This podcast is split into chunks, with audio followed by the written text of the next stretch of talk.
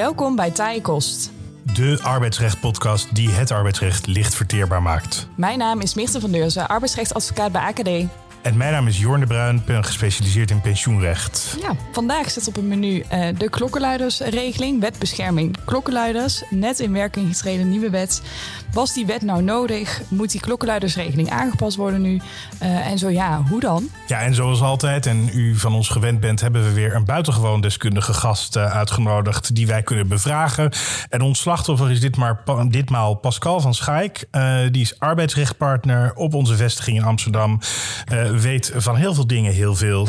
En hij houdt het bovendien nu al twee jaar vol in de Kamer naast mij. Dus ook dat is een prestatie.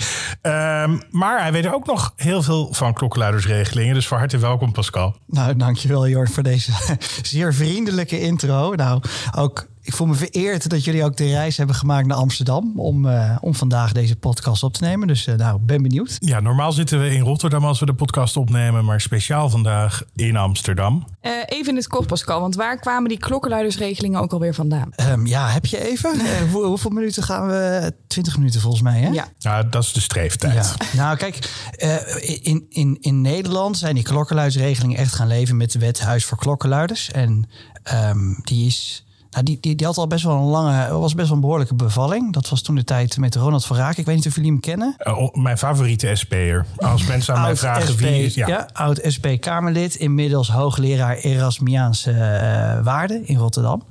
Um, maar die heeft toen in 2012, 13 meen ik, uh, toen een initiatiefwet zelf volgens mij ook geschreven. Dus zonder ambtelijke ondersteuning. Maar samen met een aantal andere mensen, wiens naam ik ben vergeten. Dus dat, dat doe... is wel best knap. Dat ja. je een heel initiatiefwetsvoorstel zelf... Uh... Ik moest ook een aantal keer terug, want er zaten wel hier en daar wat, uh, wat haken en ogen aan. Maar uiteindelijk is die wet er toen wel gekomen, in 2016. Dat was de wet Huis voor Klokkenluiders. En dat introduceerde voor het eerst een algemene verplichting voor ondernemingen die 50 werknemers in de regel hebben Net zoals dat je dan een ondernemingsraad moet hebben om ook een klokkenluidersregeling. Uh, en, en, was dat naar aanleiding van, die, uh, uh, van de bouwfraude? Nou, um, on, kijk, onder andere, kijk in het publieke debat, ik, wat was Ad Bos volgens mij toch? Toen de tijd had je Ad Bos en um, Frits Veerman. Zeg je dat ook nog wat? Frits ken ik dan weer niet. Ah, Oké, okay, ja, dat was um, dat, dat is misschien wel een mooi verhaal om te vertellen. Als we dan toch even de tijd mogen, als ik toch even de tijd mag pakken, laat ik het zo zeggen. Frits Veerman, sommige mensen die luisteren zullen uh, wel kennen. Dat was een klokluider in de jaren 70 bij Urenco. En dat gaat misschien een belletje rinkelen, want wie werkte er bij Urenco? Frits Veerman en de heer Kaan. En de heer Kaan... Die had een link met Pakistan, was het ja, niet? had een link met Pakistan en was ook geïnteresseerd in informatie over kernsplitsing. Uh, als ik het goed heb. In ieder geval informatie over hoe je een kernbom kan maken. En die, en die know-how was toen bij Urenco uh, bekend. Daar werkte men daarmee. Daar was men verder dan kennelijk in ieder geval Pakistan. En hij maakte daar toen melding van. En is eigenlijk nou, een beetje met pek en veren de organisatie uitgegaan. Heeft nog last gehad. Op allerlei opsporingslijsten terechtgekomen. En was nou, een van de voorbeelden voor Ronald van Raak. Om te zeggen van ja, wij gaan in dit land niet goed om met klokkenluiders. Die meldingen kunnen niet veilig plaatsvinden. En als mensen dan eenmaal een melding maken. Waarvan later blijkt. En dat was ook bij het geval van Vierman zo. Um, dat dat, dat niet goed met hem is omgegaan. Um, dat, dat hebben we in Nederland niet goed wettelijk geregeld. Dus dat was voor hem de aanleiding om met die wet Huis voor Klokkenluiders te komen. Um, nou, dat was 2016 en inmiddels 2023. Nou, en even, hier zit een Europees tintje aan, of niet? Nou ja, dat, dat heb je, daar heb je gelijk. Aan de ene kant hadden we dus in Nederland die wet Huis voor Klokkenluiders. Um, dat is Um, nou, ik wil niet zeggen uniek in de wereld, maar er zijn niet heel veel andere landen die specifieke klokkenluiderswetgeving hebben. Sommigen hebben het wel, maar ook heel veel landen niet. Maar en vanuit Europa kwam ook de gedachte op. En, daar zijn ook wel eens hier en daar wat klokkenluiders geweest uh, in het verleden. Um, ja, nog niet al te lang geleden, geloof ik. Uh, uh, in het recente verleden ook. En volgens mij Paul van Buitenen is ook nog een, een klokkenluider geweest over de Europese Commissie. Um, ja, daar was in ieder geval de gedachte van, ah, um, we merken dat uh, het speelveld in Europa en de bescherming van Europa um, onvoldoende is. Dus we komen met een richtlijn die de bescherming van klokkenluiders in Europa op een gelijk niveau trekt, maar dan een Europese invalshoek als het gaat om inbreuken van EU-recht. Want dat is nou eenmaal waar Europa dan over het algemeen over gaat en wat men heel belangrijk vindt. Dus wat wij nu eigenlijk hier aan de fiets hebben hangen is een wet eigenlijk een wetswijziging. Die verbouwt die oude wetbescherming, uh, wat is het, wethuis klokkenluiders, sorry. Um, en fietst daarin de wetbescherming klokkenluiders die we vanuit Europa moeten hebben. Klopt. Dus Europa zegt, uh, uh, lidstaten, uh, hier heb je een richtlijn. wij willen dat u gaat regelen de bescherming van inbreuken op EU-recht, althans de melders daarvan. Ehm, graag implementeren voor december 2021. Wil ik dat terugzien in, in de huidige wetgeving? Nou, dat was de trigger voor in ieder geval Nederland om dan de wethuis voor klokkenluiders aan te passen. Aanvankelijk wilde men dat doen met, nou laten we gewoon wat Europa zegt, gewoon toevoegen aan de wet en klaar is Kees. Zijn we mooi op tijd klaar. Um, maar dat, dat parlementaire debat, dat, dat duurde toch wel wat langer dan men aanvankelijk dacht. Want, nou ja, ja, want dit speelt al lang. Dit speelt al lang. En als ik je vertel, ja, ik zei net al, december 2021 moest dit geïmplementeerd worden. En nou, de wet is, uh, wat is het, 18 februari in werking getreden. Ja, dus die december 2021 hebben we net niet gehaald. Hebben we net niet gehaald. Ja. Zijn we de enige? Nee, nee we, zijn, we zijn niet de enige. Er zijn, ik had net nog even gekeken. Er zijn op dit moment nog acht andere lidstaten die nog in het wetgevingsproces zitten. Eén lidstaat is zelfs nog niet begonnen. Ah, Mogen jullie raden wie dat, uh, wie dat is? Ja, het is dan, het is dan weer zo, zo uh, stereotyperend als ik naar Hongarije zeker zeg. Ja, het is wel schot in de roos. Uh, Hongarije moet nog, uh, moet nog beginnen, maar ook andere landen. En ook dichter bij huis, Duitsland. En nou, ik, ben, ik, dacht van, waar komt dat nou vandaan? En aanvankelijk dacht ik van, nou weet je, parlementariërs pakken de tijd die ze, die ze nodig hebben. En dit is dan een, een uit, uit, uit Europa. Dus dan, nou, nou ja, dan gaan we dat uitvoeren, maar wel op ons tempo. Um, maar toen uh, tijdens een presentatie uh, over dit onderwerp werd ik door, uh, door een Duitse collega wel gecorrigeerd. En die, die vertelde mij van ja, um, wat je goed moet realiseren is dat dit onderwerp klokkenluiders in heel Europa een, verschil, een, een andere bijklank heeft. Wij, wij hier in Nederland denken bij klokkenluiders over het algemeen aan iemand die vecht tegen de grote machine, de grote onderneming of de overheid. En die dan een misstand heeft gezien en dat aan de kaak wil stellen. En tegen de stroom in dat uh, naar buiten probeert uh, te brengen. Ik geloof niet dat dat mijn eerste associatie zou zijn, maar dat ligt misschien aan mij. Nou, nou goed, er zijn mensen, zeker uh, in de Tweede Kamer, die dat beeld wel degelijk hebben. Um, de, maar het heeft een, een, ergens wel een positieve connotatie. Iemand die onrecht uh, wil herstellen. Terwijl in heel veel andere landen, en dat zijn dan landen met name aan uh, de oostkant met een andere uh, geschiedenis, en ook Duitsland met een andere geschiedenis dan Nederland, waar het klokkenluiden, het melden meer in de hoek wordt gezocht van het ja, meer een beetje snitje, verraden bijna van, uh, van de situatie. En dat maakt dat dit onderwerp heel gevoelig is. En dat maakt ook dat in die landen juist die implementatie van deze Europese regelgeving heel gevoelig ligt. En dat men daar daarom meer tijd misschien wel nodig heeft dan, uh, ja, dan is gesteld door de Europese Commissie. Nou, mooi, deze achtergrond. Dat, uh, dat weten we dan nu ook allemaal. Um, wat gaat er concreet veranderen? Wat, wat wordt er over ons uitgestort? Nou, kijk, eh, één punt hebben we natuurlijk al geraakt. Wat hadden wij? Wethuis voor klokkenluiders. Wat was je entreebewijs om onder die bescherming te vallen? Dat was het vermoeden van een misstand. Nou, ik kan nog een hele discussie voeren wat dat is. Maar uh, in ieder geval, dat was je entreebewijs. Daar wordt nu een nieuw entreebewijs aan toegevoegd. Namelijk als het gaat om een inbreuk op EU-recht. Dus er zijn twee poortjes. Er zijn twee poortjes. En uh, nou ja, als je uh, niet onder het ene poortje valt, dan zou je misschien nog onder het andere poortje vallen. En, en, dan... en hebben we misschien van, want ja, wat is een misstand? Dat zei je net al. Daar is nogal wat discussie, geloof ik, over. Klopt. Uh, hebben we dat ook iets verduidelijkt nu? Nou, we hebben, dat, we, we, hebben wel dat gepoogd te verduidelijken. Kijk, maatschappelijk belang moet in het gedrang zijn. Dus het moet het persoonlijke belang overstijgen. Maar ja, er blijft nog steeds wel heel veel ruimte voor discussie. Um, om een voorbeeld te geven, op het moment als jij wordt geconfronteerd met bijvoorbeeld ongewenst gedrag van jouw leidinggevende, dan zou je zeggen van nou, dat, dat is dan misschien niet een misstand die het persoonlijke belang overstijgt. Maar als die leidinggevende Mark Rutte heet, of Mark Overmars. Uh, en de kranten erover vol staan, ja, dan misschien wel, omdat het ook in het maatschappelijk debat een hele belangrijke rol gaat spelen. Nou, daar zitten heel veel tinten grijs in. Um, maar dat maakt dat die vraag niet altijd heel eenvoudig te beantwoorden is. Nou, dan komen we bij dat tweede entreebewijs, die inbreuk op EU-recht. Die is nog lastiger te beantwoorden. Want, want even inbreuk op EU-recht. We hebben heel veel EU-recht al het EU-recht? Nee, niet al het EU-recht. Uh, want als we dan kijken naar wat is dan een inbreuk op EU-recht, dan vinden we terug in de wet een verwijzing naar de, naar de richtlijn. En de richtlijn heeft een opsomming van uh, welke EU-regelgeving onder dat bereik valt van die inbreuk op EU-recht. Maar die richtlijn moeten wij zelf implementeren in onze nationale wetgeving. Daar zitten richtlijnen bij, dus terecht. Wat dus je, je zegt, zou ook nog kunnen zeggen, die richtlijn is verkeerd geïmplementeerd in de Nederlandse wetgeving. Maar als we hem juist hadden geïmplementeerd, dan had ik hierover kunnen klagen. Dus ik kan hierover klagen, want het moet richtlijnconform worden uitgelegd.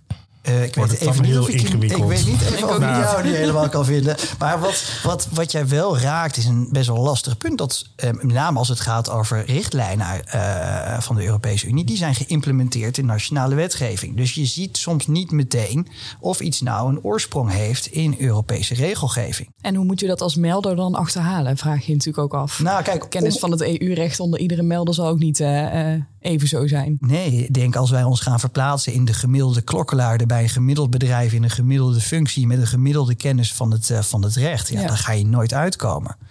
Um, er, er, is wel een manier om daar meer duidelijkheid over te krijgen. En ik, nou, ik weet niet of er iemand uh, nu luistert en denkt van nou, dit is wel iets waar ik nu tegenaan loop. Um, we hebben ook een autoriteit. En die is al bij de wet Huis voor Klokkenluiders geïntroduceerd. Dat is het Huis voor Klokkenluiders. Mm. En zij kunnen wel advies geven over een bepaalde kwestie. En, het Huis voor Klokkenluiders blijft gewoon bestaan? Blijft gewoon bestaan. Uh, krijgt wel iets meer bite. Uh, misschien daar zo over.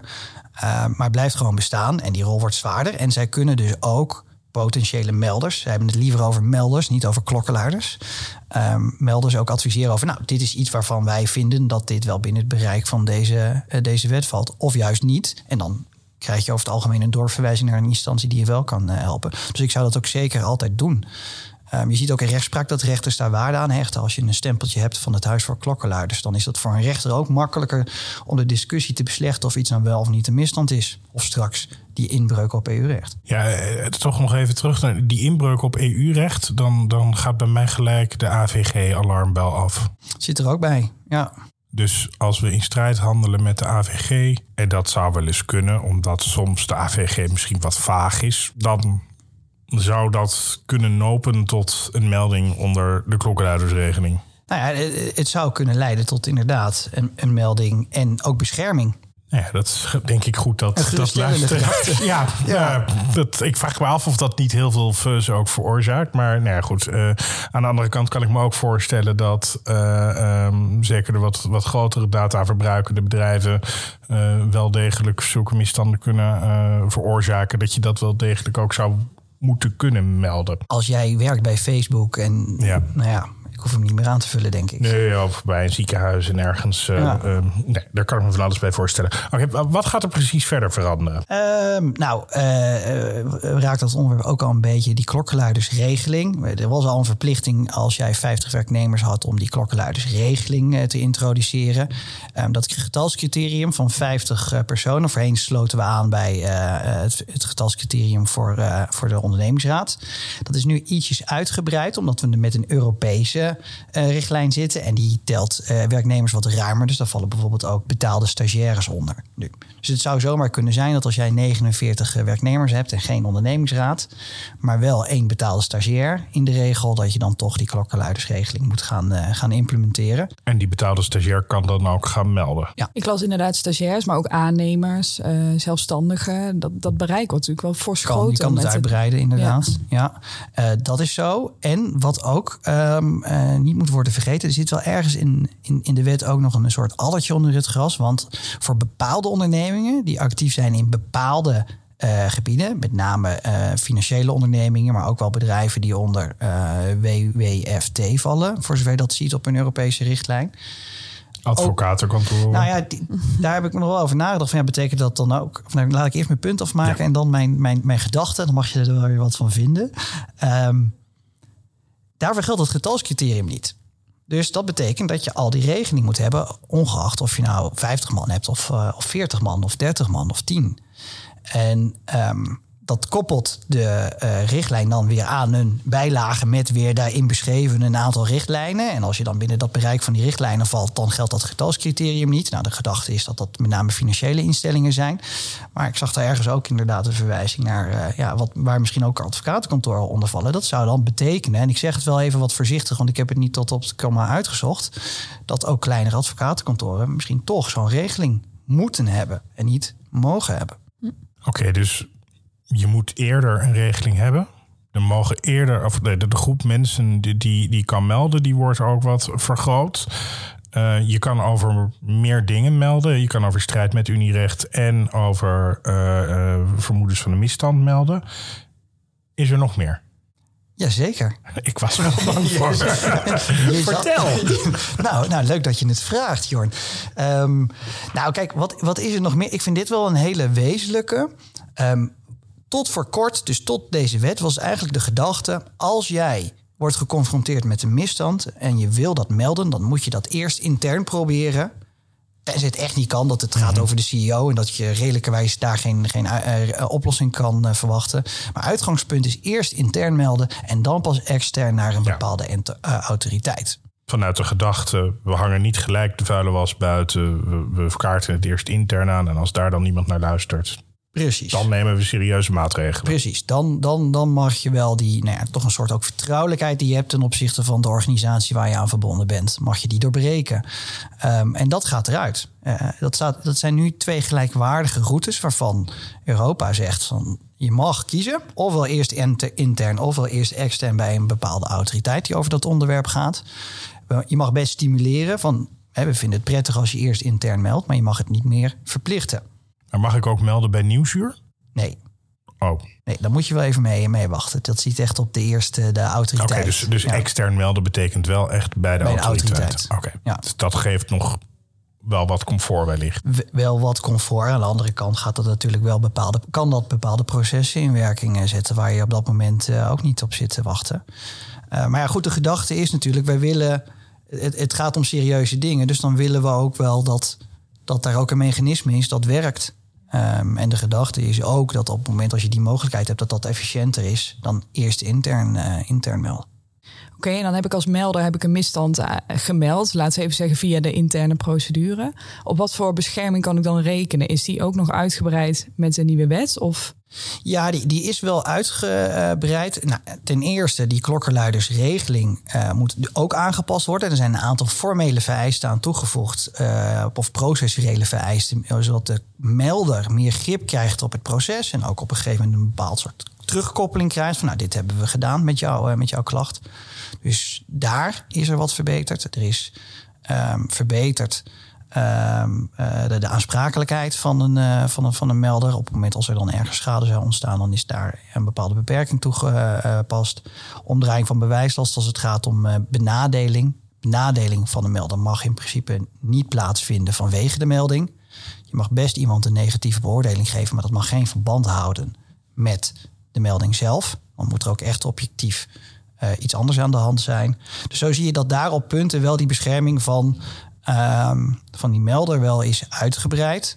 Daar is ook nog steeds wel kritiek op, want er zijn ook. Uh... Even, hoe zit het met die bewijslast? Want wie, gaat er bedoel, als jij de klokkenluider vervolgens een slechte beoordeling geeft, zal de klokkenluider zeggen ja. Dat, dat houdt natuurlijk direct verband met, met de melding die ik heb gedaan. Is het dan aan een werkgever in beginsel om aan te tonen dat dat niet zo is? Of is het aan de werknemer aan te tonen om, of om in aannemelijk te maken dat dat verband er inderdaad bestaat? Ja, nee, het, het, eerste voorbeeld is dan is het aan de werkgever om aan te tonen dat die benadelingshandeling geen verband houdt met de melding. Dus is het een negatieve beoordeling? Dan zal je dat extra goed moeten kunnen staan. Moet je daar heel goed over nadenken. Is het een ontslag? Moet je daar heel goed over nadenken.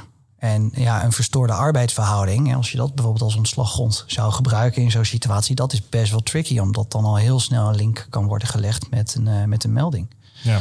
Dus. En hoe zit het met de identiteit van zo'n melder? Wordt die nog op een bepaalde manier beschermd? Ja, dus het, het, het, uh, de melder krijgt grip over wat er met de klacht gebeurt. En ook of, of gegevens, eh, de, de, identiteit van de melder bekend wordt gemaakt. Er is ook anoniem melden uh, wordt mogelijk gemaakt. Uh, daar is men nog wel, dat moet nog wel uitgewerkt worden. Dat zit Nog niet in de regeling. Daar komt nog iets over. Uh, maar dat anoniem melden, dat lijkt mij best wel een lastig concept. Hoe komt dat dan? Ja, dat, dat is nog onderwerp van, van uitwerking. Dus daar volgt ook nog een update op dit punt van, van de wet. Oh, maar dan kunnen we je terugvragen. Zeker. Ja, dan kunnen we dat goed. met z'n allen doornemen. en, en dit betekent dus dat werkgevers hun klokkenluidersregelingen moeten gaan aanpassen? Klopt. Allemaal? Nou, iedereen die een klokkenluidersregeling had en die in lijn was met wet Huis voor Klokkenluiders, die uh, moet up-to-date worden gemaakt met de wet Bescherming Klokkenluiders. Dus dat is één. Um, en sommige ondernemingen die er geen hadden, omdat ze dachten, ja, we zitten onder die 50 uh, werknemers, is geen verplichting, moet het onder omstandigheden toch gebeuren. Afhankelijk van in welk bakje je valt. De betaalde stagiair, breng ik in herinnering. Ofwel het feit dat je actief bent in een, uh, in een tak van sport. Die, uh, waarvan de Europese uh, Unie in feite zegt van ja, daar geldt dat getalscriterium van 50 niet voor. En een wijziging of een instelling van zo'n regeling, als je er nog geen hebt, dat is, klinkt als iets medezeggenschapsrechtelijks. Waarbij we eventueel een personeelsvertegenwoordiging of een ondernemingsraad moeten betrekken. Zeker, en als die er niet is, het personeel. Ja. Dus werkgevers moeten aan de bak. Um, maar hebben ze nog even? Of nou, um, sommigen wel. Sommigen niet. Um, als we oh, kijken dat naar. Dat klinkt onheilspellend. nou, kijk, we zijn natuurlijk wat laat met de implementatie. Ja. Um, en in de implementatie was wel voorzien dat voor ondernemingen tot 249 werknemers, dat ze de tijd hebben tot en met december dit jaar om uh, de regeling op orde te brengen. Dus voor die ondernemingen die op grond van de wet Huis voor Klokkenluiders wel een verplichting hebben om een uh, klokkenluidersregeling in. Uh, ingesteld te hebben, die mogen nog even op de oude regeling varen. Dus voor die onderneming geldt ook nog de oude wet, om het maar even zo te zeggen. Maar dat moet in december wel echt aangepast zijn, 2023, dus einde van dit jaar. Uh, voor ondernemingen met meer uh, dan dat aantal uh, werknemers geldt het al per direct. Dus eigenlijk al per 18 februari. 2023. Dus, dus als die niet aan het anticiperen waren op deze wet bescherming klokkenluiders, zijn ze vanaf 18 februari, nou strikt genomen hebben ze een klokkenluidersregeling die niet in lijn is met Nederlandse wetgeving. Correct. Nou, dat klinkt alsof er werk aan de winkel is in ieder geval. Uh, Pascal, veel dank uh, voor jouw komst. Maar voordat we helemaal afsluiten, uh, zijn we nog iets vergeten? Wil je nog iets toevoegen? Um, nou, ja, misschien is dat toch nog wel leuk om te vertellen. Um, soms heb ik het, ik heb het ook wel eens met jou over, over klokkenluis. En dan krijg ik toch altijd uh, een beetje tegengas over. Van, nou, wordt daar niet altijd misbruik van gemaakt? En ik, ik ben wel bekend. van Jorn? Ja, ja dat, dat, dat, doe ik soms. maar ik ben inderdaad ook wel bekend met, met mensen die, die de klok luiden voor dingen waarvan je nou toch in redelijkheid vrij makkelijk zou kunnen vaststellen dat het niet een misstand is. In ja. ieder geval niet een maatschappelijke misstand. Ja, ja en, en, en, en dan voeg je er vaak aan toe. Ik vul het even in. Mijn woorden zeg ik er dan bij van ja, dat, hè, dat die wetgeving misschien helemaal niet, niet nodig is of zin heeft. Um, maar dan wil ik toch even, om, om jou in een poging jou te overtuigen, Jorn, um, teruggrijpen op, op de intro die we hadden vandaag. Um, waar, waar we het hadden over Frits Veerman bij Urenco. Want de aanleiding was, mede aanleiding, ook voor Ronald van Raak om met het toenmalig wetsvoorstel te komen. En, en nou, die Frits Veerman is uiteindelijk toen de tijd door zijn werkgever fors benadeeld uh, vanwege zijn melding. Um, maar hij heeft, toen die nieuwe wet er kwam in 2016 aan het Huis voor Klokkenluiders gevraagd: nou, kunnen jullie dan een onderzoek verrichten naar mijn benadeling? En dat onderzoek heeft best wel een tijd geduurd, om allerlei redenen, ook ontvankelijkheid, discussies, zal ik jullie niet mee vermoeien. Maar uiteindelijk heeft het Huis voor Klokkenluiders inderdaad in een rapport vastgesteld dat Frits Veerman toen tijd inderdaad is uh, onrechtmatig is benadeeld vanwege zijn klokkenluidersmelding. En nou, het, het, tragische, maar misschien ergens ook nog wel, uh, ergens vind ik het ook wel mooi. Uh, in de zin van dat heeft hij dan nog uh, vlak voordat hij uiteindelijk overleed, zes maanden na dat rapport, ook nog, nog gekregen, die bevestiging. Dat hij het gewoon altijd bij het juiste eind had. En ook dat hij op de onjuiste manier is, is behandeld door zijn werkgever. Dus als je jouw vraag van ja, heeft het dan nog wel zin? Denk ik dat dit een heel goed voorbeeld is. Waarin dit soort wetgeving uiteindelijk ook bij klokkenluiders waar niet goed mee wordt omgegaan. Um, daar de scherpe randjes en misschien zelfs wel meer dan dat er vanaf kan halen. Dus ja, ik denk dat het wel degelijk zin heeft. Dus jij zegt dan ook, het, er zijn misschien wel uh, nadelen die aan klokkenluidersregelingen kleven. Namelijk oneigenlijk gebruik ervan. Maar er staan ook wezenlijke voordelen tegenover. Uh, die van dusdanig belang zijn dat ze eigenlijk zwaarder wegen dan die eventuele nadelen. D- dat is inderdaad de gedachte achter deze wetgeving. En als je het mij vraagt, denk ik ook dat deze wetgeving daaraan bijdraagt. Absoluut, zonder twijfel. Dus, uh, ik, uh, ik ga me beraden over mijn standpunt uh, hierover. veel dank dat je wilde komen, Pascal. Ja, dank Pascal en luisteraars thuis ook veel dank voor uw luisterend oor. Ja, en smaakte dit naar meer, dan kunt u zich abonneren op de podcast Taaie Kost, zodat u geen enkele aflevering mist. En mocht u de aangehaalde wet en regelgeving nog eens terug willen lezen, lezen wij zullen links opnemen in de show notes bij deze aflevering. Nou, wij gaan aan de koffie. Lekker.